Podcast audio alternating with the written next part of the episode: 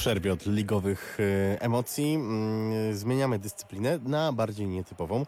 Czy niewidomi mogą grać w tenisa? Okazuje się, że fakt, iż nie widzą piłki ani siatki wcale nie jest przeszkodą. Dzięki pewnym modyfikacjom ten sport stał się dla nich e, dostępnych, stał się dla nich dostępny. A jakie to modyfikacje? No warto posłuchać.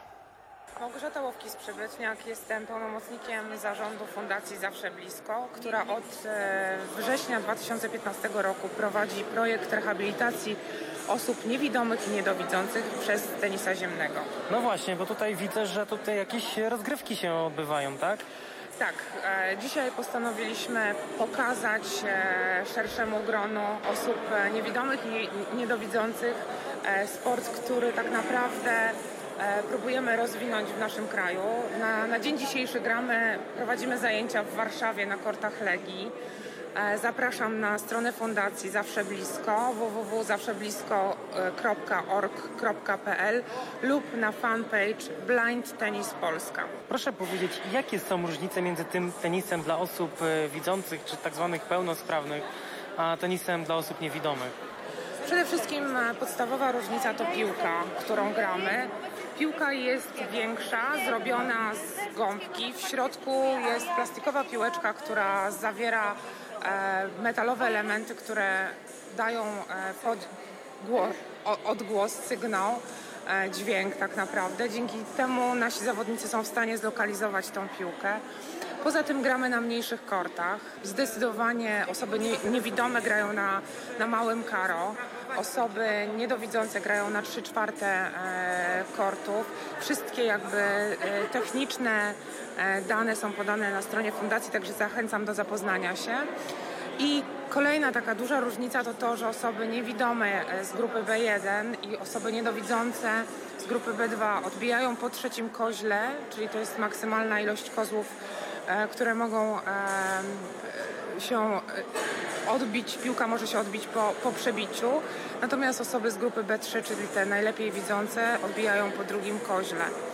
E, I to A są wszystkie... tutaj też rak- rakiety, czy... Rakiety są mniejsze. Gramy e, rakietami e, juniorskimi. Rakieta 23 cale jest największa. Mm, I to jest jakby jedyna różnica, tak? Są to standardowe ra- rakiety do tenisa. Ilu beneficjentów, partnerów e, zrzesza obecnie fundacja? Ilu pomaga i ilu...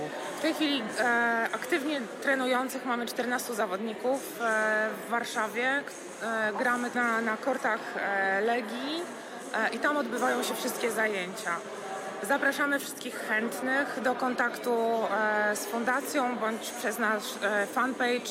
E, trenerka, która e, sprowadziła tą dyscyplinę sportu do Polski, Agata Barycka, e, odpowiada na, na każde zapytanie. A jak wygląda tenis w Polsce na tle na przykład innych państw europejskich? W tej chwili bardzo mocno rozwinięty jest tenis w Wielkiej Brytanii, jeśli chodzi o tenis dla niewidomych.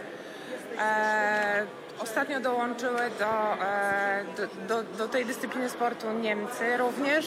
E, I tam ta dyscyplina bardzo intensywnie się rozwija. Prekursorem tej dyscypliny mm, była Japonia. To tam e, niewidomy chłopiec e, zamarzył o tym, żeby grać w tenisa.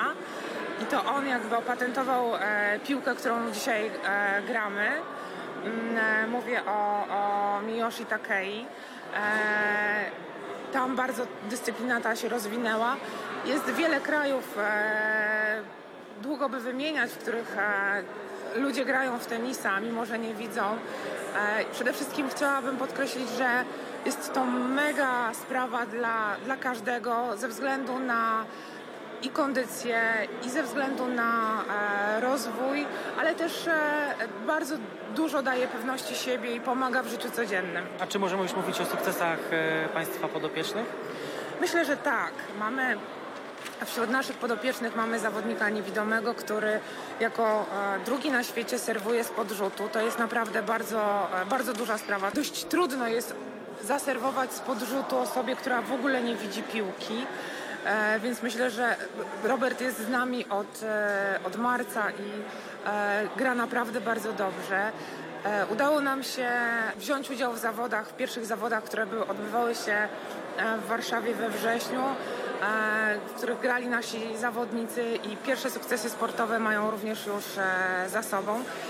E, Dzisiaj tak naprawdę myślimy, patrzymy w przyszłość i myślimy o Mistrzostwach Świata, które będą się odbywały w Londynie e, w przyszłym roku na wiosnę. Myślę, że marzec, kwiecień to jest e, ten czas, kiedy e, fundacja e, będzie wystawiała zawodników, reprezentantów Polski na No właśnie, Świata. porozmawiamy o tym chwilkę. Jest szansa, żeby ktoś e, pojechał z Państwa fundacji? Tak, ma, mamy taką nadzieję, jakby do tego dążymy, po to trenujemy, żeby nasi zawodnicy wzięli udział w, e, będą to pierwsze Mistrzostwa Świata blind tenisa e, i chcemy się tam zaprezentować, chcemy, żeby nasi zawodnicy byli tam obecni. Poza tymi Mistrzostwami Świata, jakie plany na może troszkę dalszą przyszłość, tak? Powiedzmy, nie wiem, jest w planach paraolimpiada. Na razie ta dyscyplina sportu nie jest jeszcze dyscypliną paraolimpijską, e, ale International Blind Tennis Association, federacja, która rozwija to na świecie, w której są zrzeszone kraje członkowskie, również Polska. I tutaj przedstawicielem e, IPTY na Polskę jest Agata Barycka. Chce doprowadzić do tego, żeby ta dyscyplina była również dyscypliną paraolimpijską i mam nadzieję, może nie na najbliższej olimpiadzie, ale że wkrótce zobaczymy tenis e, dla niewidomych na paraolimpiadzie. E, Czego sobie i Państwu życzę i również życzę dalszych sukcesów. Dziękuję, Dziękuję bardzo za bardzo. rozmowę. No myślę, że byłoby to na pewno mm, oglądane z wielką satysfakcją. A o tenis dla niewidomych pytał nasz reporter Adrian Peliszko.